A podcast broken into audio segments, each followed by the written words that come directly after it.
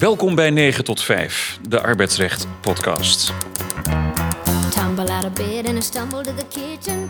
Dames en heren, welkom bij podcast nummer 42 en die staat vandaag helemaal in het teken van de aankomende verkiezingen. Ik ben hier vandaag met Elise van S van Legalitas en met Daniel Maats van BVDV te Utrecht. Dat is geen politieke partij, hè, BVDV. Eh, nog niet. Je weet Nee, nooit wat wat er- er in de toekomst verscholen Iets ligt, wat erop eh, lijkt komt wel voorbij. Ik hou niet allemaal bij wat er allemaal gebeurt met die partijen. Er komen erbij en dan gaan er af. Eh, maar goed, Eh, daar gaan we het vandaag eh, over hebben. Althans niet over al die partijen die erbij komen en afgaan. Maar wel wat zij doen met ons geliefde thema eh, arbeid. Maar laten we nou eens kijken naar de thema's waarover partijen het in het algemeen eens zijn. Want dat zegt wel iets over waar we de komende vier jaar, ja, wat we de komende vier jaar zouden kunnen verwachten. Dus dat wilde ik even met jullie doornemen. En daarna wil ik per partij een, een, een voorstel benoemen dat mij opviel. En dan waarop jullie dan, nou ja, in een ideale wereld om de beurt ehm, eh, daarop reageren. Ja? Alright. Yes. Nou, we beginnen maar eens even met wat wil iedereen? Of bijna iedereen. Ik heb niet alle partijen meegenomen. Dus eh, excuses SGP, excuses jaar 21. Eh, maar eh, de meeste van de andere, eh, eh, ja, die hebben we wel meegenomen vandaag. Dat minimumloon, nou, dat eh, wil iedereen wel omhoog. Van links tot rechts. Nou, de een wat meer dan de ander. Ehm, maar het magische getal van 16 euro is al een paar keer voorbij gekomen. Dus dat is ook waar velen op gaan zitten, sommigen iets hoger. Nou, eh, wat partijen eh, bijna allemaal wel vinden, is dat verlof eenvoudiger moet. Want het is nu te onoverzichtelijk. Eh, vinden jullie dat ook? Dat dat een. Ja, dat vind ik ook. Er gelden nu heel veel aparte regels en het is heel erg complex, waardoor je als werkgever niet meer weet waar je aan toe bent en een werknemer ook niet meer door de boom het bos ziet. En daardoor ook de, de productiviteit eh, veel minder goed wordt van zo'n werknemer, want die kan eigenlijk heel veel verlof opnemen en ook eh, als het kindje al, of als bijvoorbeeld bij geboorte of eh ouderschapsverlof, ook na, nadat, het al, eh, nadat, nadat ze al ouders zijn geworden. Wat eigenlijk helemaal niet handig is. En daarover is ook door demissionair minister van Gennep ook een Kamerbrief ingediend. Hè? Wist je dat? Nee, dat wist ik niet. Eh, maar de- daar staat dus ook in dat het anders moet, neem ik aan. Ja. Dat het dus allemaal Uni- uniformer qua regelgeving eh, en vereenvoudigen van de administratieve lasten. En bijvoorbeeld één termijn bieden dat, dat het moet worden ingediend. En nu is het voor, tijdens of na. Ja, ja, ja. Dus het is nu gewoon te... Ja, die, die daar kan je een, eh, een studie op loslaten. Hè? Eh, Ja. en, je bent ook nog eens verplicht om over het meest eh, de werknemer te informeren. hè? Sinds eh, de wet TVA vorig jaar.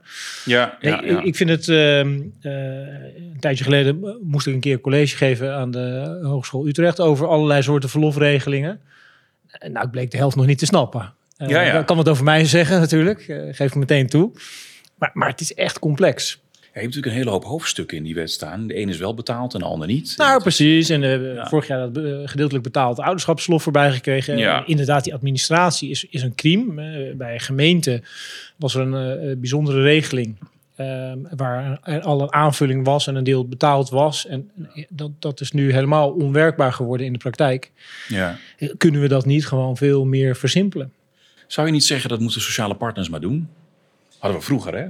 Eh, Gaan we, een beetje, gaan we een beetje terug. Ja, ja. Ja. Die, volgens mij komt, komt dit onderwerp straks eh, ook nog wel eh, aan- bod. Want die sociale partners, die worden er wel weer steeds bijgetrokken. De laatste jaren in de polder. Hm. Maar zo effectief zijn ze volgens mij niet meer. Nee. Ik vraag me af of Dus dat we lukken. we zetten even in op een gewoon een eenvoudiger wettelijke regeling. Een ander eh, topic dat veel terugkeert is de bestaanszekerheid. Ehm, bestaanszekerheid moet, eh, moet er zijn, uiteraard. En ehm, dat lossen partijen op verschillende manieren op. En een daarvan is het basisinkomen. Dat, eh, is natuurlijk ook een steeds terugkerend thema.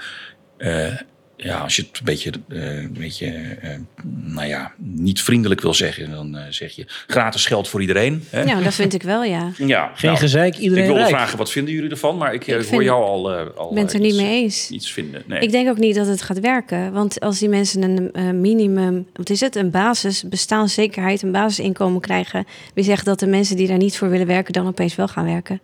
Het is een leuk, een leuk bedachte theorie, maar het gaat in de praktijk echt niet eh, anders worden hoor, dan dat het nu is. nee, nee. Volgens mij is het vooral een allocatievraagstuk. Hè. Je, je wil een vraag en aanbod als het gaat om arbeid bij elkaar zien te brengen. Eh, aan de andere kant wil je voor zoveel mogelijk mensen eh, bestaanszekerheid bieden. En dat betekent dat je voldoende hebt om eh, een woning te vinden, om nou, je dagelijkse basisbehoeften in te voorzien. Dat is eten, elektra, telefoon, denk ik tegenwoordig, internet. Ehm, dat, dat is zo veelomvattend. Wisten jullie dat, ehm, dat ze hier al mee bezig zijn met dat basisinkomen sinds de Eerste Wereldoorlog? Ja, ja, ja, dat komt af en toe voorbij. Ja, zo oud ben ik nog niet, maar ik weet wel dat het eens in de zoveel tijd is een soort golfbeweging. Dan komt het weer eens een keer langs. Hè? Dus dat, ja, nou, niet, laat, laat ik het zo zeggen. Zeker niet alle partijen vinden dit een goed idee. Nee. Dus, eh, maar het staat toch wel in eh, minstens twee programma's. Dus dat is wel waar. Ja, wat vinden jullie ervan dat eh, GroenLinks naar die 32-urige werkweek wil gaan? Ja, dat Ja. gaat verder dan Frankrijk. Eh, met de 35 uur. En zelfs daar hadden ze er al heel veel moeite mee. Hè? Ja. Dat is ook niet echt een enorm succes eh, gebleken op alle fronten. Ik, ik, dat gaat niet lukken. Ten eerste eh, kan je dat niet zo reguleren volgens mij. Eh, dat kan je niet opleggen aan de hele markt, eh, de volledige arbeidsmarkt. Ehm, we willen juist zoveel mogelijk stimuleren dat mensen gaan werken. Ja, want die arbeidsmarkt is krap. Daar is ook iedereen het erover eens. Ja. Dus dat maakt het dan ook een beetje vreemd dat je dit soort eh, voorstellen Ik snap het ziet. niet. Nee, Ja. volgens mij is het contraproductief. Eh, we worden steeds ouder met elkaar, we leven steeds langer, we hebben meer mensen nodig. Ja. Ja, sorry PVV, volgens mij heb je dan vooral mensen van buiten Nederland nodig. En laat de mensen die er zijn vooral niet minder werken. Ja, of de, of de deeltijd-explosie in Nederland eh, een beetje beteugelen. Dat kan ook. Hè. D66 stelt voor om voltijdarbeid meer te gaan belonen. Veel partijen willen ook gratis of bijna gratis kinderopvang. Dus dat, eh, dat, dat hangt dan samen. Waar overigens ook geen mensen zijn om al die kindjes op te vangen. Ja, Volgens mij is dat ook een... ja dan moet je het niet nog moeilijker maken, hè, Daniel? nee. We, we houden het simpel. We hebben arbeidsrecht. Nou, dit zijn wel de topics waarover men het algemeen eh, eens is. De meeste partijen willen ook dat wetgevingspakket van Van Gennep dat er nu ligt eh, gewoon door laten gaan. Eh, dus nou ja, dat, dat is in zekere zin, zou je kunnen zeggen, goed nieuws dat die overeenstemming er is. Ehm, maar ja, die ZZP'er, dat is natuurlijk wel eh, een punt van aandacht. En daar eh, vindt iedereen ook wat, eh, wat van. Vooral in bepaalde sectoren. Nou, we gaan even naar het, naar het volgende thema. Ik wil dus wat specifieke standpunten naar voren brengen van een aantal partijen. En graag daar jullie reactie op. Nou, we beginnen eens met de BBB. Want we doen het in alfabetische volgorde. Ehm, en ehm, nou, die, die partij wil heel graag meer flexibiliteit in vaste contracten. En ook minder verschillen tussen vast en flexibel. Hoe sta jij daar tegenover, eh, Elise? Ik vind het eh, in theorie goed bedacht. Maar eh, ik denk dat je daar, dat daarmee dat probleem met die ZZP'ers en, en de uitzendkrachten, dat je dat daar niet mee oplost. Dus ehm, Er wordt al wel heel lang geroepen van ja, dat vaste contract dat is zo vast hè, met die loondoorbetaling en al die regels die eraan vastzitten. Nou, dat, is ook zo. We, we gaan steeds meer naar flex. Ik las in de chroniek sociaal recht van Barendse en, eh, en, en Zagel... dat zij zich ook afvragen of deze nieuwe wetgeving... nou die positie van flexwerkers zoveel gaat versterken. Terwijl die trend er gewoon al jaren is en in toenemende Ja. mate. Wat, maakt dit nou anders? Het, wordt een beetje aan bestaande knoppen gedraaid, schrijven zij. Ja, ja. Ja, dit is geen eh, eh, grote hervorming van de arbeidsmarkt. Nee. Zoals Nee. die nu eh, op, het wetgevings, eh, op de wetgevingskalender staat, wat Van Gennep heeft bedacht. Eh, ja, je ziet dat dat wetsvoorstel veel eh, mensen in beweging heeft gebracht. Eh, 1111 reacties op de Oh internetconsultatie. ja, wat een mooi getal. Ja. Ja. ja. Zag ik. En hij is weer... Als je nu kijkt zijn het er waarschijnlijk meer. Nee, hij is gesloten. Oh, oké. Ze hebben gewacht met sluiten, denk ik, precies tot Maar ja, de 1111. kritiek was dat het dus flex wordt aangepakt, maar het vaste contract niet. Hè? Ja. Dat is, en dat is dus, ik lees het zo dat BBB daar dus wat aan wil doen. Maar goed, Ja. hoe, je dat, hoe je dat moet zien, dat weet ik ook niet. Daniel, eh, het CDA wil een basisbaan, dus geen basisinkomen, maar een basisbaan bij een gewone werkgever met een loonkostensubsidie op maat. En uiteraard indien je niet zelf zo'n baan kunt vinden. Klinkt mooi. Oh, dat is politiek, mooie woorden. Dus ik ben even gaan zoeken wat nou een basisbaan in zou moeten houden. Zag ik dat in 2019 dat begrip ook al werd gebruikt. CDA, eh, toen nog eh, van Haarsma Buma, gooide dat een soort proefballonnetje op. En dat was specifiek bedoeld voor mensen die nu in de bijstand, of toen in de bijstand eh, zaten. Eh, die moesten dan maar aan het werk, want die zaten toch allemaal thuis, zeg ik even schertsend. Ehm, En als die thuis zaten, dan waren ze niet ten nutte van de maatschappij. Dus wat konden ze doen? Ter ondersteuning in de zorg, het onderwijs of in de plantsoenendienst. Daar is veel kritiek op geweest toen er tijd. Ik dat ze het nu wel anders bedoelen. Ehm, ja, mooi bedacht. Maar eh, is dit een handzaam instrument om effectief in te zetten... om al die mensen die op de bank zitten aan het werk te krijgen? Ja, maar dat is hun doel. Hè? Iedereen, doel. iedereen moet meedoen. Ja, en daar hebben we met z'n allen belang bij, want eh, er is nog steeds vraag. Eh, tegelijkertijd zitten er mensen op de bank eh, en is er een arbeidsmarkt, eh krapt op de arbeidsmarkt. Dus ik denk mooi dat daarover na wordt gedacht. Ja, ik zie deze maatregel nou niet als eh, de oplossing voor dit probleem. Oké, dus we vinden er tot nu toe eigenlijk allemaal niets van. De, eerste twee. Eh, CDA het, eh, stelt overigens ook voor een weer een maatschappelijke eh, dienstverlening. Een soort die, oude militaire dienst, maar dan anders Klinkt mooi. in te voeren. Ja. Ja, de oude CDA-waarden komen weer naar boven Ja, drijven. duidelijk. Ja. Dan gaan we naar de ChristenUnie. En dat wil een quotum voor het in dienst nemen van mensen met een arbeidsbeperking. Zien we dat zitten, Elise? Ja, ze willen dus eh, bedrijven die meer dan 25 FTE eh en personeel hebben, eh, een quotum geven om mensen met een arbeidsbeperking in dienst te nemen. De grootste eh, risico's daarbij zijn dat als iemand met een, een beperking, dus met afstand tot de arbeidsmarkt, eh, ergens gaat werken, wat er nu dan is, dat ze dan die uitkering kwijtraken. Dus ze hebben die, die, Ja. die financiële zekerheid. En de ChristenUnie die heeft daar dan een, een oplossing voor bedacht. Die willen dan bijvoorbeeld eh, die financiële zekerheid op terugkeer naar diezelfde uitkering eh, aanbieden. Als betaald werk niet lukt, omdat er natuurlijk wel een grens zit, of de bijverdiengrenzen verruimen. Ja, ja. Dus op zich vind, ik, ben, vind ik dat wel goed, omdat mensen nu met die beperking het niet aandurven, omdat ze dan die uitkering gewoon kwijt zijn daarna. Want van, vanuit een, een, eh, wat is het, een waar-jong uitkering bijvoorbeeld, Mhm. dan ga je naar een, eh, een, eh, een dienstbetrekking bij een ehm, postorderbedrijf bijvoorbeeld. Nou, dan werk je daar, lukt het niet. En dan kunnen ze niet meer terug. Dus Ja. dat, dat is op zich wel goed dat die ChristenUnie dat heeft bedacht, vind ik. Ja, nou zijn we altijd een beetje huiverig voor, voor, voor een quotum. Hè? Dat hebben we natuurlijk vaker gezien. Nee, ik bedoelde, wat ik goed vind, is die terugkeer in die uitkering. ja, ja, ik ben het niet eens met dat quotum. Nee, hoor. Nee. dat niet. Nee, je gaat dus niet eh, bedrijven eh, daaraan eh, verplichten. Ja, maar dat is precies wat ze Nee, voorstellen. ja. ja. Ja, ja. Maar de uitwerking, dat als je de mensen eenmaal in dienst hebt, dat ze dan kunnen terugvallen enzovoort, dat vind je een goed idee. Ja, Ja, want, Ja. want stel je nou voor dat de helft het wel aan kan, dan scheelt het een hoop eh, kost voor de staat. En trouwens, die- Zit in die maatregel dan ook dat de werkgever daar dus niet het risico loopt? Want Dat, dat is eh, in zekere zin nu vaak het probleem.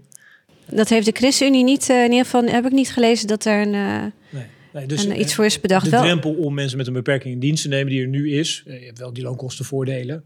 ja. Eh, de werknemer wordt weer opnieuw wordt ziek in het werk wat bij die werkgever wordt aangeboden. Misschien na een enige tijd. Het lijkt toch goed te gaan. Vast contract valt toch uit.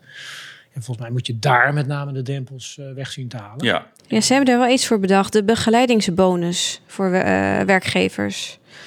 Ehm, waardoor ze productieverlies en intensieve begeleiding gecompenseerd krijgen. Prachtig idee. Ja. Nu Ja. de uitwerking nog. Ja, oké. Nou, dan gaan we naar eh, D66. Eh, dat wil dat eh, werknemers nu, en dat past in het idee dat voltijdarbeid aantrekkelijker moet worden en meer de norm moet worden. Dat wil werknemers meer rechten geven om meer uren te werken. Zullen we dat even afzetten tegen minder uur werken, wat nu een recht is? Hoe, zie- hoe zie jij dat, Daniel? Ligt met name aan de vorm hoe ze het eh, precies eh, gaan eh, verwoorden, wat mij betreft. Ehm, die, die wet flexibel werken, het recht om minder te werken, krijg ik altijd heel moeilijk uitgelegd aan mijn klanten, werkgevers. Ehm, dat kan tot grote ruzie leiden. Tegelijkertijd, ja, het is nu eenmaal iets waar je rekening mee moet houden als werkgever. En, en er zijn van die slimme werknemers die dat weten en daar beroep op willen doen. Meer werken ehm, ja, is een andere discussie. Is dat werk er wel? En Dat zal ongetwijfeld allemaal in die wetgeving kunnen worden verpakt. Ehm, maar afdwingen dat een werknemer het initiatief neemt en kan eh, bepalen of er meer gewerkt wordt, dus het contract wordt verhoogd, eh, vind ik een eh, eh, te zware maatregel. Eh, lost niet op waar je naartoe wil. Het doel is meer mensen meer uren laten werken. Eh, ja, dan moet je op een andere manier stimuleren. Nou, die hele discussie is ook al gevoerd jaren geleden bij introductie natuurlijk van eh, de voorloper van de wet flexibel werk. Ik weet niet eens meer hoe die Wet, heet. wet aanpassing arbeidsduur. de WAA natuurlijk, ja, Ja. dankjewel. Eh en toen is er ook inderdaad expliciet voor gekozen. Dat moeten we niet zo doen met meer werk. Nee. Hè, dat, Nee. Nee. Nou, de, de, Maar goed, D66 eh, eh, haalt eh, het weer uit de kast. Ja, dat, dat, die plannen worden natuurlijk ook zo gemaakt dat er nog wat weggestreept kan worden. Ja, Tenminste, dat ja. ze dit van tevoren al eh, bestempelen met een geel stickertje. Wie weet, wie weet. Ja. Nou, dan gaan we naar de nieuwkomer in de politiek. Het nieuw sociaal contract. Eh, dat overigens over heel veel dingen gaat, maar minder over arbeid. eh, viel mij op. Ehm, en, maar wat we zien, ja, dat heeft toch wel een duidelijke signatuur. Bijvoorbeeld over arbeidsimmigratie is de NSC toch redelijk, eh, ja, moet je dat zeggen, rechterkant politiek spectrum, als ik het zo mag noemen. Ehm, want dat wil eh, bijvoorbeeld de arbeidsmigranteninstroom beperken door de belastingvoordelen af te schaffen. Waarbij de ons bekendste, denk ik, is de 30%-regeling. Ja. Van Is de dat een goed expats. Nee, natuurlijk is dat geen goed oh, idee. Oh, sorry. Ja, Nee, want? Die 30% die was ooit bedoeld om, men- om specifieke kennis naar Nederland te halen. Eh, ik heb even onderzoek gedaan. Er zijn iets van, uit mijn hoofd, 10.000 eh 10.000 medische onderzoekers in Nederland eh, die gebruik maken van die regeling. Alleen al medische onderzoekers. Ja, Ja. dus het is heel erg van belang dat die, die ehm, expats daar gewoon gebruik van moeten blijven maken. En eh, ik ben het er niet mee eens dat dat dan, dat, dat dan wordt versoberd in ruil voor eh, eh, rente op de studieschulden naar beneden doen. Want dat is dan eh, wat hij voorstelt. Ja. ja. Nou ja, kijk, ze krijgen die 30 procent. ja, daar hoeven ze gewoon geen belasting over te betalen. En de vraag is of dat wel eerlijk is. En of het wel goed wordt toegepast.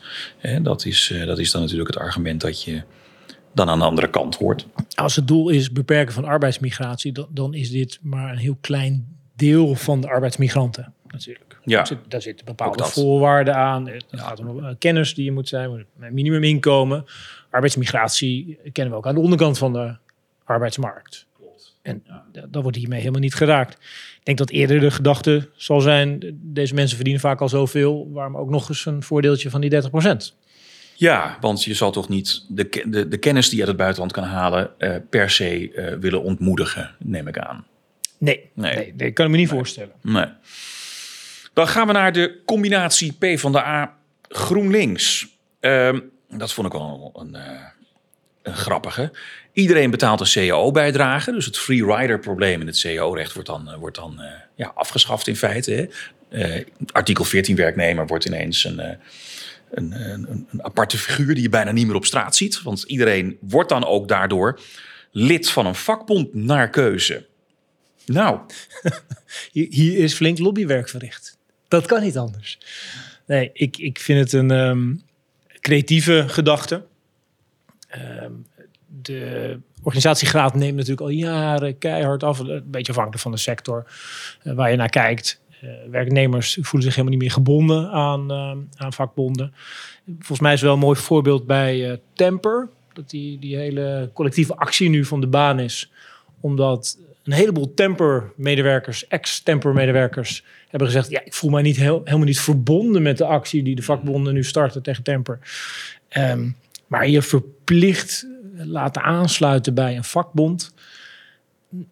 Nee, ik zie het, eh, ik zie het niet zitten. Terwijl CO's en vakbonden echt een eh, belangrijke positie hebben, wat mij betreft, in ehm, eh, arbeidsvoorwaardenvorming.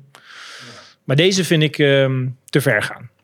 Soort verplichte ziektekostenverzekering wordt het dan. Dat is het bijna, hè? want het wordt wel gezegd, ja, je betaalt een bijdrage, maar dan mag je gratis lid worden, weet je wel. Dus anders verpakt is het, je moet gewoon betalen om lid te worden, klaar. Ja, Hè, Je moet gewoon lid worden. verplicht Ja. betalen. Ja, er staat overigens niet bij dat je niet gebonden bent aan de CO als je die bijdrage niet betaalt. Maar dat zal wel weer uitwerking zijn waar niet over is nagedacht. Oké, nou dan gaan we naar eh, de Partij van de Dieren. Ja. Ehm, die vindt ook wat van arbeid. En ehm, die vindt dat uitzenden alleen nog maar voor ziek en piek mag gelden. Dus niet als normale, flexibele vorm. Ja, dat klopt. Op zich ben ik het daar wel mee eens. Want nu heb je dat eh, uitzendkrachten voor alles worden ingezet. Eh, maar die, die uitzendkrachten eigenlijk eindeloos aan die contracten vastzitten. En eigenlijk nooit een echt vast contract krijgen. Want die zitten aan die, aan die eh, wat is het, die keten, Het was ook Ja. weer aan die regeling vast. Nou ja, die, die cao's, ABU en MBBU Ja, die, zijn ja. natuurlijk al wel wat, wat versoberd. Dat wil zeggen wat vriendelijker gemaakt voor uitzendkrachten. Eh, maar het is nog steeds zo, ja, je zit vrij lang eh, zonder normale ontslagbescherming. Ja. Ja, terwijl en het uitzenden is eigenlijk ook bedoeld om tijdelijk werk op te vangen bij piek en ziek. Dus op zich ben ik het wel mee eens. En het staat volgens mij ook in die, eh, dat programma van de commissie Boslab. Die heeft dat er ook in. Dus dat wordt dan gewoon overgenomen. Ja. Ja, het is wel waar het voor bedoeld is. Nou, Van Gennep heeft, loopt er eigenlijk ook al een beetje op vooruit. Eh, en de NBBU en de ABU hebben een grote vinger in de politieke pap, volgens mij. Want Ja. in, in de CAO eh, hebben ze dat al netjes verdisconteerd om te laten zien dat eh, de leden en degenen die zich moeten aansluiten de beste jongetjes of meisjes van de klas zijn. Ehm, ja, die, die, die, die fase A gaat terug naar een jaar en daarna nog twee jaar in fase BC, of fase B. Dus volgens mij wordt het al wel mooi wat beperkt. Ehm, ik snap waar het vandaan komt. In de praktijk gaat het niet werken. Ik, eh, ehm, ik heb klanten die helemaal afhankelijk zijn van uitzendbureaus. Omdat er gewoon geen mensen zijn die vast bij hen in dienst willen komen, kunnen komen. Omdat ze dat personeel niet uit Nederland halen. Ze hebben uitsluitend nog werknemers die uit andere EU-landen komen. En dus via het uitzendbureau hier in Nederland worden ge- aangeworven en het werk verrichten. Ja, wat moet je daar dan mee?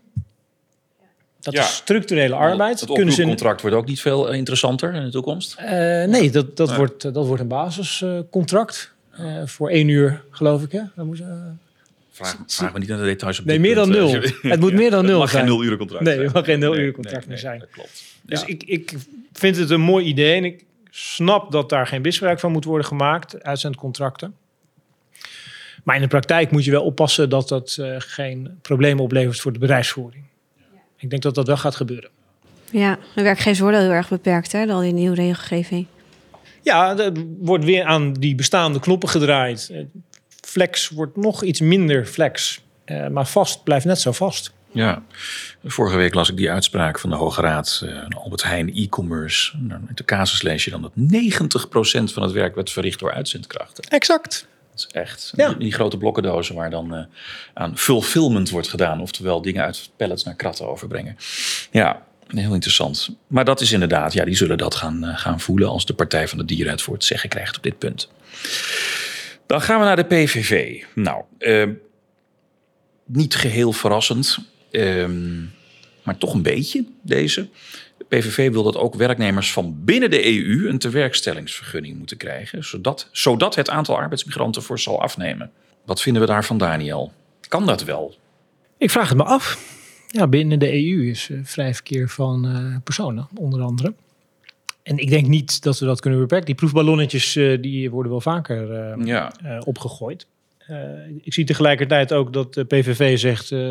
ZZP'ers moeten geen onnodige regels worden op, eh, opgelegd. Geen, geen beperkingen worden opgelegd. Dus ehm, ja, dit gaat er gewoon nooit komen. Het is om de achterban te pleasen, denk ik. Ehm, maar de mensen die willen werken, die hebben verdorie allemaal een plekje. We hebben mensen nodig. Eh, en wie gaat er dan in de bouw aan de slag? Eh, wie gaat er in de zorg aan de slag? Ja, ja. ook in de praktijk wederom een probleem als dit er doorheen zou komen. En ik denk dat het ook gewoon niet mag. Ik denk dat het Europees rechtelijk heel ingewikkeld wordt. Ja, Ja. ja. Dat- zeker als je hem dan ook in de praktijk echt kan weigeren. Die vergunning. Als je hem ook daadwerkelijk kan Op wat weigeren, voor gronden dan? Hè? Ja. ja. dat, dat gaat niet gebeuren. Maar Geert Wilders wil eh, misschien nog steeds ook de, de Nexit. Die heeft niet zoveel op met de EU. Ja. Dus misschien is dat stap 1, is dit dan eh, stap 2. ja, als die Nexit er komt, dan kan het. Dan mag het zeker. Ja, dan kan het.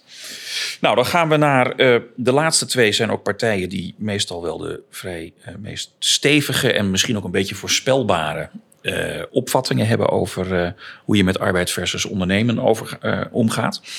Dan komen we bij de, de Socialistische Partij. En die wil een algemene CAO voor alle topbestuurders in Nederland. Met een maximum van 20 keer het loon van de laagst betaalde werknemer. Hè. Dat noemen ze het Gini-coëfficiënt. Eh, meer dan 20 keer daarboven is het uh, foute boel. FNV heeft dat ook eh, vaak geroepen trouwens, dat, eh, dat dat gezonde arbeidsverhoudingen zijn. Ik durf het bijna niet te vragen, Elise, maar wat vind je van dit idee? Ik vind het belachelijk. ik vind Ja. het echt belachelijk. Ja. Ja. Ik heb ook verder niks Wou je het over. daarbij laten? Ja, een algemene CAO voor topbestuurders is sowieso al een beetje lastig. Ja. Welke bond gaat deze mensen vertegenwoordigen om maar, om maar Ja. te beginnen? Eh, en dan, ja, oh, dus, dus niet voor een sector, maar voor een functie. Nou, er, er zijn nog wel van die eh, losse bonden te vinden die, eh, ik zal geen namen noemen, ja, maar ja, ja. die, die, die te poren zijn om CEO's. betaalt, wij Ja. draaien. Ja, de, Ja. de, de uitzendkrachtbranche is ook een tijdje zonde geweest, Ja, toch? ja, ja. Hebben ze nog even verlengd. Ik denk ook dat dit een opstap is naar gewoon een eh, wettelijke regeling voor een maximumloon. Ja, Ja. zoek, het, zoek het dan daarin. En wees daar Ja. gewoon eh, open over. Ik denk misschien staatsrechtelijk het, het makkelijkste te regelen. Ehm, anders dan met een CAO. Ja, nou dan eindigen we bij eh, de VVD. Eh, een beetje verrassend, die, eh, die, die eerste. Dat Ik heb, ik heb eigenlijk stiekem twee hier. Eh, werkgevers die helpen bij het vinden van een nieuwe baan. Die betalen geen transitievergoeding. Dus een soort reintegratie tweede spoor. Want ze moeten natuurlijk al herplaatsen. Eh, maar dan reintegratie zonder ziekte. Zo, zo las ik hem eigenlijk. Ik vind het mooi gevonden. Fantastisch, wat mij betreft, eh, doen. Want die hele transitievergoeding, eh, we hebben een heel lang discussie over gehad waar die nou voor, ehm, eh, waarom die betaald moet worden als een werknemer daar een caravan van koopt. Ehm, met de gedachte, we hebben hem ingevoerd om die transitie naar een andere baan te versoepelen, de gevolgen daarvan op te vangen. Nou, als die gevolgen beperkt zijn, want die werkgever heeft ge- geregeld dat bij de buurman jij aan de slag kan, waarom heb je dan een vergoeding nodig? Blijft mooi hoe we in Nederlandse verhoudingen altijd weer die caravan erbij halen. Terwijl Duitsers volgens mij veel meer caravans rijden dan in Nederland. Maar nou ja. Maar ik ben het Ja. er wel mee eens, want de transitievergoeding is bedoeld voor een transitie naar een andere baan. Nou, als je dan als werkgever zegt, ik heb een andere baan voor je, waar moet je dan nog betalen? Nou, misschien moeten we hem samen doen met het volgende ideetje van de VVD. Eh, schaf gewoon die transitievergoeding af. En gooi de WW omhoog. Nou, dat, zegt de VVD niet overigens. Maar die zegt wel, WW begint hoger.